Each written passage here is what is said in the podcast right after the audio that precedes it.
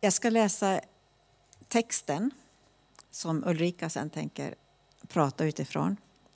Och jag läser från Markus evangeliet, femte kapitlet, vers 21 börjar jag på. Det är Jairus dotter och den sjuka kvinnan, heter det. När Jesus var tillbaka med båten på andra sidan samlades en stor folkskara hos honom där han var vid sjön. En synagogsföreståndare som hette Jairus kom dit. Och när han fick se Jesus föll han ner för hans fötter och bad honom enträget. Min dotter är döende. Kom och lägg dina händer på henne så att hon blir frisk och får leva. Då gick Jesus med honom. Mycket folk följde efter och trängde sig på honom. Där fanns en kvinna som hade haft blödningar i tolv år. Hon hade fått lida mycket hos många läkare och lagt ut allt hon ägde. Men ingenting hade hjälpt. Hon blev bara sämre. Hon hade hört talas om Jesus och nu kom hon bakifrån i folkmassan och rörde vid hans mantel. För hon tänkte, om jag bara får röra vid hans kläder, då blir jag frisk. Genast upphörde hennes blödningar och hon kände i kroppen att, hennes, att hon var botad från sin plåga. Jesus märkte genast att, han att det hade gått ut kraft från honom och han vände sig om i folkmassan och frågade Vem rörde vid mina kläder? Hans lärjungar sa till honom Du ser hur folket tränger sig på och så frågar du vem rörde vid mig? Men han fortsatte att se sig omkring efter henne som hade gjort det. Kvinnan visste vad som hade hänt med henne och hon kom rädd och darrande fram och föll ner för honom och berättade hela sanningen för honom. Då sa han till henne, min dotter, din tro har hjälpt dig, har frälst dig. Gå i frid och var frisk och fri från din plåga. Medan han ännu talade kom några från synagogsföreståndarens hus och sa Din dotter är död. Varför besvära mästaren mer? Men Jesus fäste sig inte vid deras ord utan sa till eh, synagogsföreståndaren Var inte rädd, bara tro. Han lät ingen följa med utom Petrus, Jakob och hans bror Johannes och de kom till föreståndarens hus. Där såg han upprörda människor som grät och klagade. Han gick in och sa till dem. Varför är ni så upprörda och gråter? Flickan är inte död, hon sover. Då hon skrattar de åt honom. Men han skickade ut allesammans, tog med sig barnets far och mor och sina lärjungar och gick in dit där barnet låg. Och han tog hennes hand och sa till henne Talita, kom. Det betyder flicka, jag säger dig, stå upp. Genast reste sig flickan och började gå omkring. Hon var tolv år och de blev helt utom sig av häpnad. Men han befallde dem strängt att inte låta någon få veta det. Sen sa han åt dem att ge henne något att äta.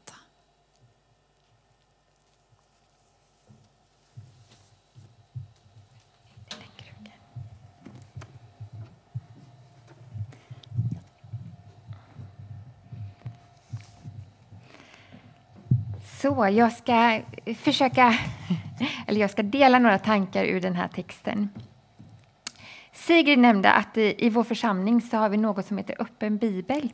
Och då brukar vi gemensamt läsa Markus evangeliet ett kapitel varannan vecka. Vi träffas och så diskuterar vi och pratar vad vi tror att det betyder för oss idag. Och den här texten med kvinnan med blödningar och Jairus dotter den har jag liksom levt med under flera, flera veckor. Jag har tagit reda och läst i andra bibelkommentarer. Ehm, så jag satt som rubrik för dagens predikan Vad skulle hända om Jesus kom till besök i din stad? Ludvika ligger ju vid sjön Västman. Den är inte jättestor, den är sådär 4-5 mil i omfång när man, eller när man åker runt. Då. Och så stor var Genesarets sjö.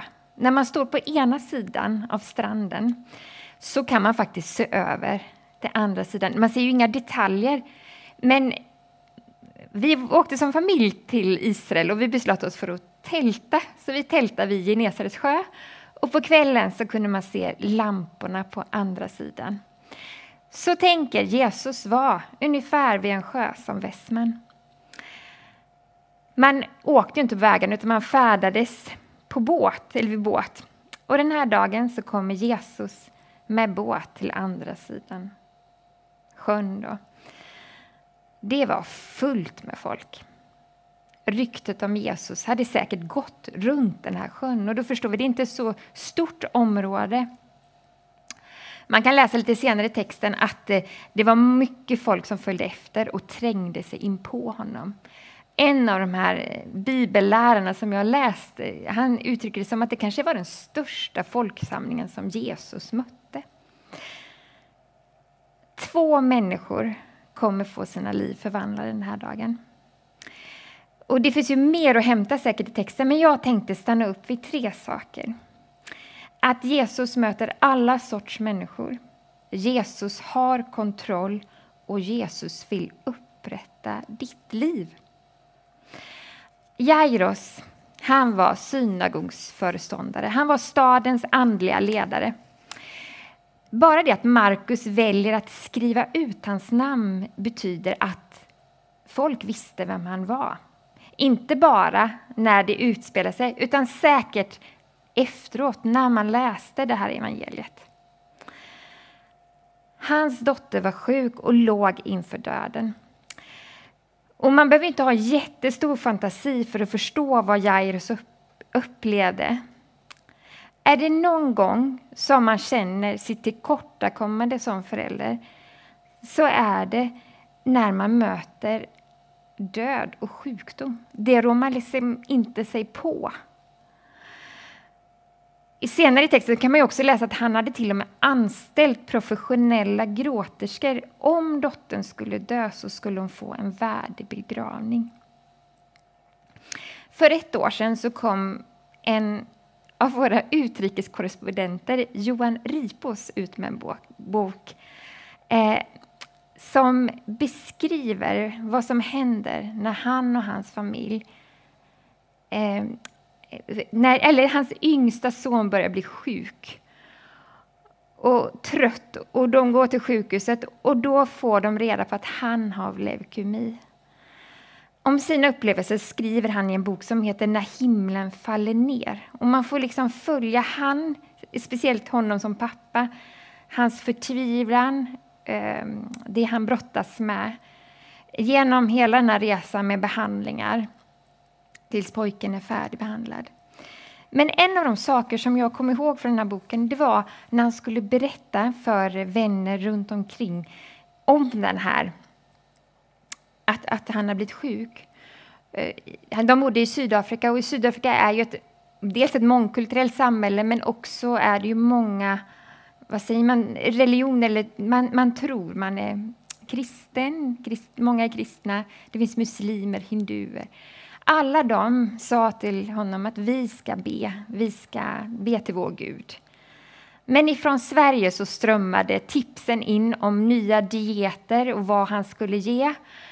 Och den sekulära människan, när det blåser, ja, vad har vi att lita oss på? Jo, det är ytterligare en diet eller ett kanske träningspass. Jairos, han föll ner för Jesu fötter och bad enträget. Jairus gjorde ju en helt desperat handling, helt offentligt. Han var ju trots allt stadens andliga ledare. Han brydde sig inte om sin ställning eller vad folk skulle tycka. Han erkände vem Jesus var. Kom, lägg dina händer på henne så hon blir frisk och får leva.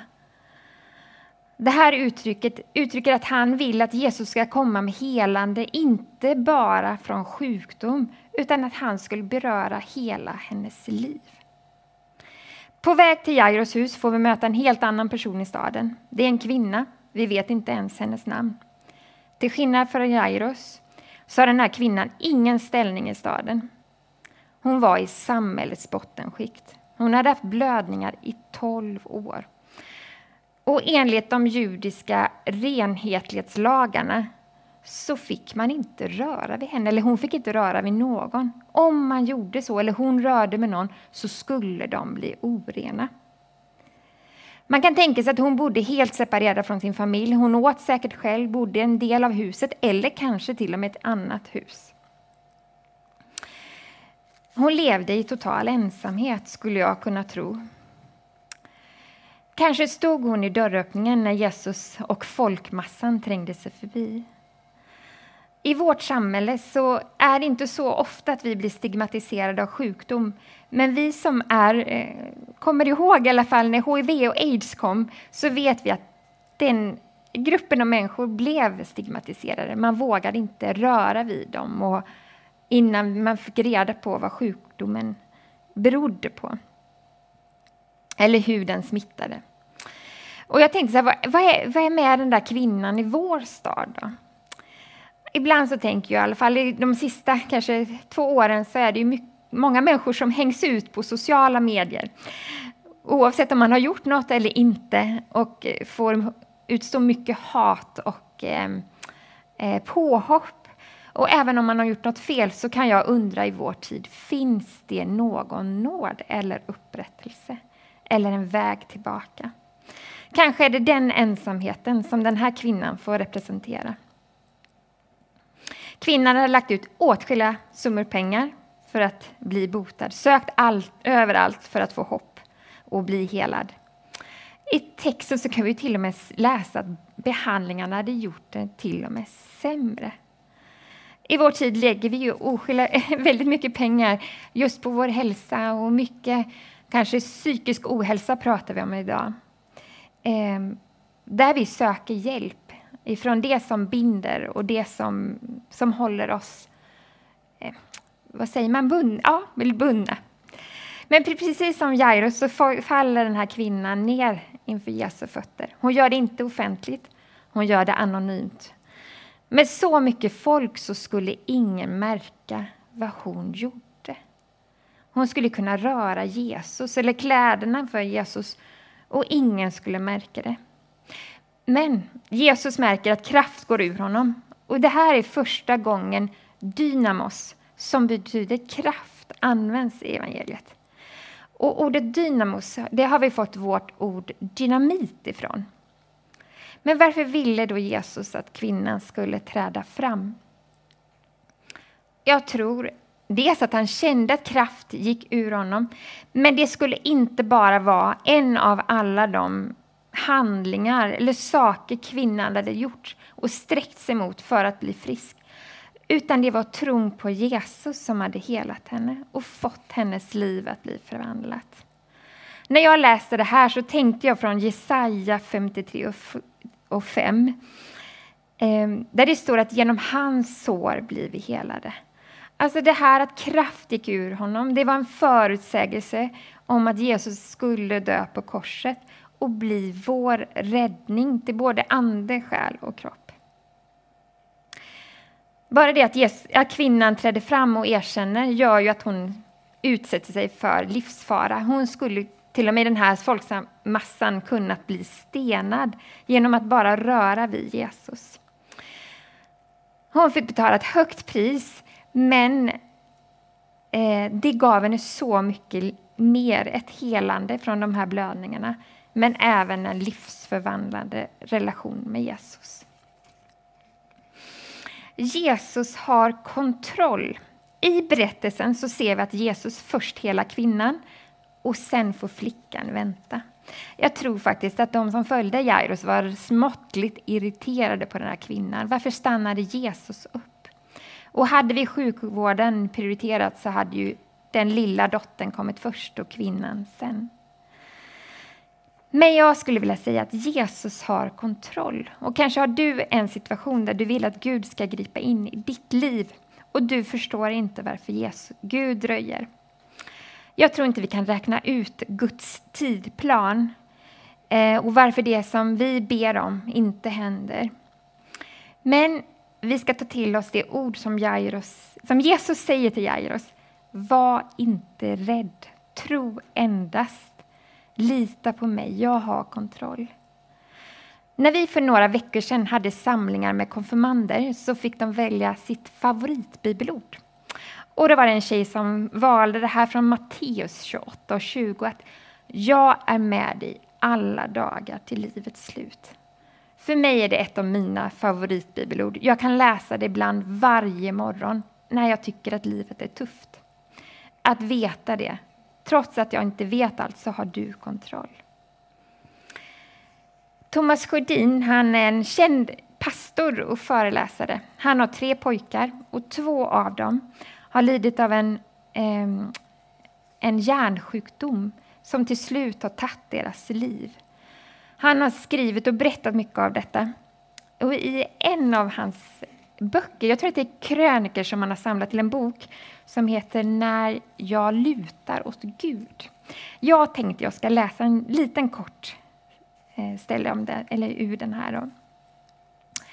När oron sätter in och sömnen flyr brukar jag istället för att titta i taket först tänka att jag är utrustad med en resignationssida och en förtröstanssida. Och så vänder jag mig mycket medvetet om åt min förtröstanssida. Jag lutar mig åt det håll dit jag vill växa. Jag lutar så att säga åt Gud. De första gångerna jag gjorde det kändes det nästan fånigt. Men nu när jag har gjort det hundra eller tvåhundra gånger börjar själen följa kroppen. Låt själen följa kroppen. Både kvinnan och Jairus hade fallit ner vid Jesu fötter. Orden att överlåta sig till Jesus tog sig uttryck i handling. Var inte rädd, tro endast och lita på mig. Jag har kontroll, säger Jesus. I slutet av berättelsen får vi följa med Jesus in till Jairus dotter. Hon ligger för döden. Och Jesus sätter sig ner och säger Talita kum, lilla flicka stig upp. Han, det står också att han tar henne i handen. Timothy Keller är en bibellärare och pastor i New York och han skriver sin kommentar till den här texten att det Jesus säger, Talita kum, är detsamma som en mamma eller en pappa kärleksfullt säger till sin barn, sitt barn på morgonen. Lilla vän, älskling, nu är det dags att stiga upp.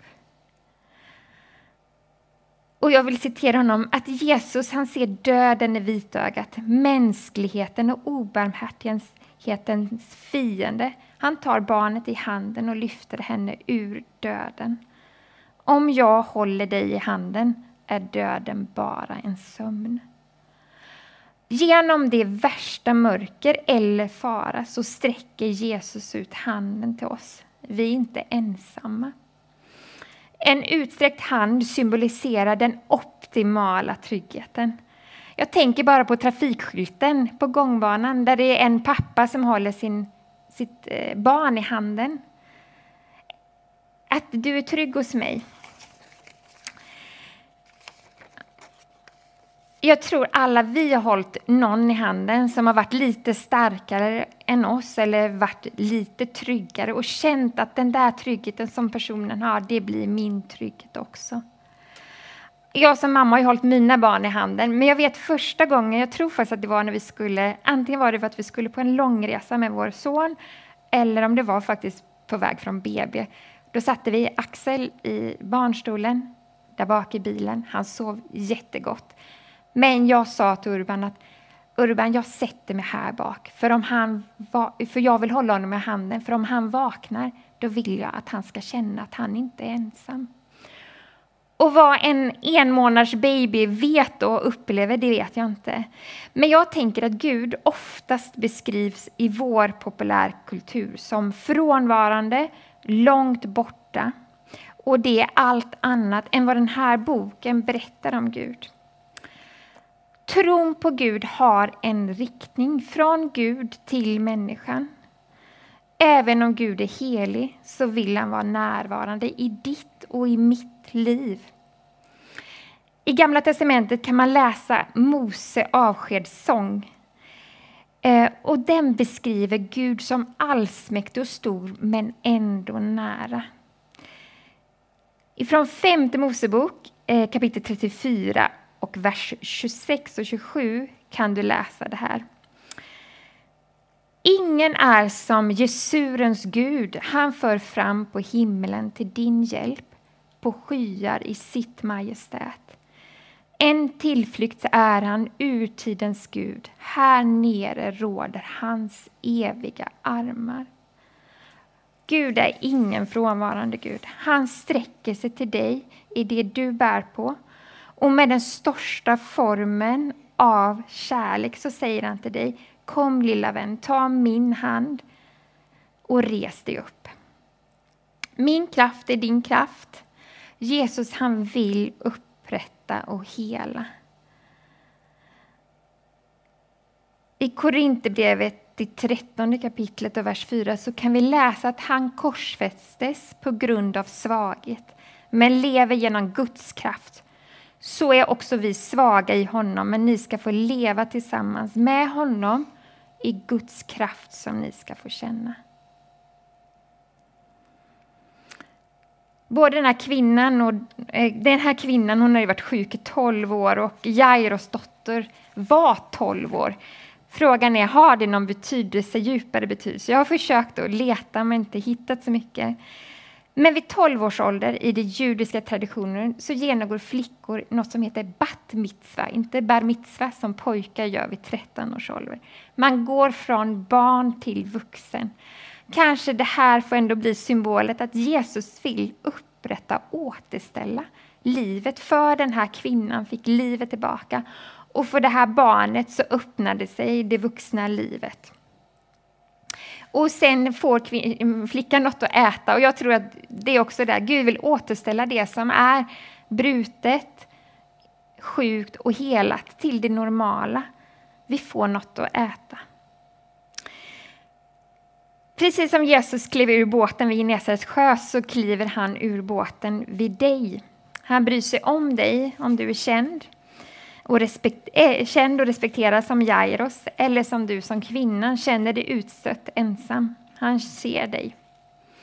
Om du på lång tid burit på ett bönämne som Jairos för en annan människa eller om du måste se ett helande förvandling i ditt eget liv med något som du har kämpat under lång tid så är Jesus med dig, där för dig. Du kan luta på Gud. Tro på mig, säger Gud. Han vill hålla dig i handen i det värsta mörker och han vill upprätta och hela det som är trasigt till det normala. Vad som hände med kvinnan och Jairus efter mötet, det, det eh, får vi inte veta, men båda hade ju mött en levande Gud och fått bönesvar. Nu har jag bett Elin och David att sjunga en sång. Sångens titel är That's why I call him Savior. Det är därför jag kallar honom min mästare och Herre. I den här sången så tycker jag ger uttryck för, kanske speciellt den här kvinnan med blödningarna. Vad händer när man möter Jesus? Lyssna på sången så ska vi be tillsammans efteråt.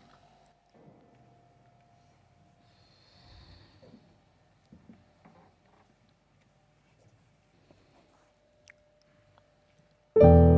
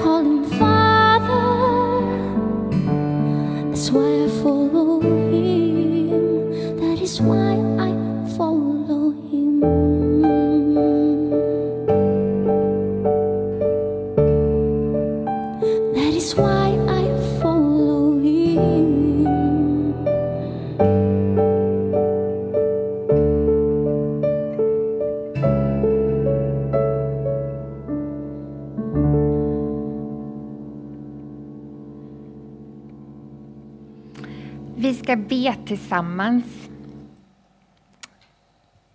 Eh, jag tänkte bara ha en liten tyst, eh, några tysta eh, eller sekunder där du får nämna det du vill, att Jesus ska sträcka sin hand till dig och ta dig i handen och ställa dig bredvid honom. Antingen så gör du det offentligt, alltså du Öppna din mun och berätta Jesus, hjälp mig med det här. Eller Jesus, det här. Kom och hela mig här.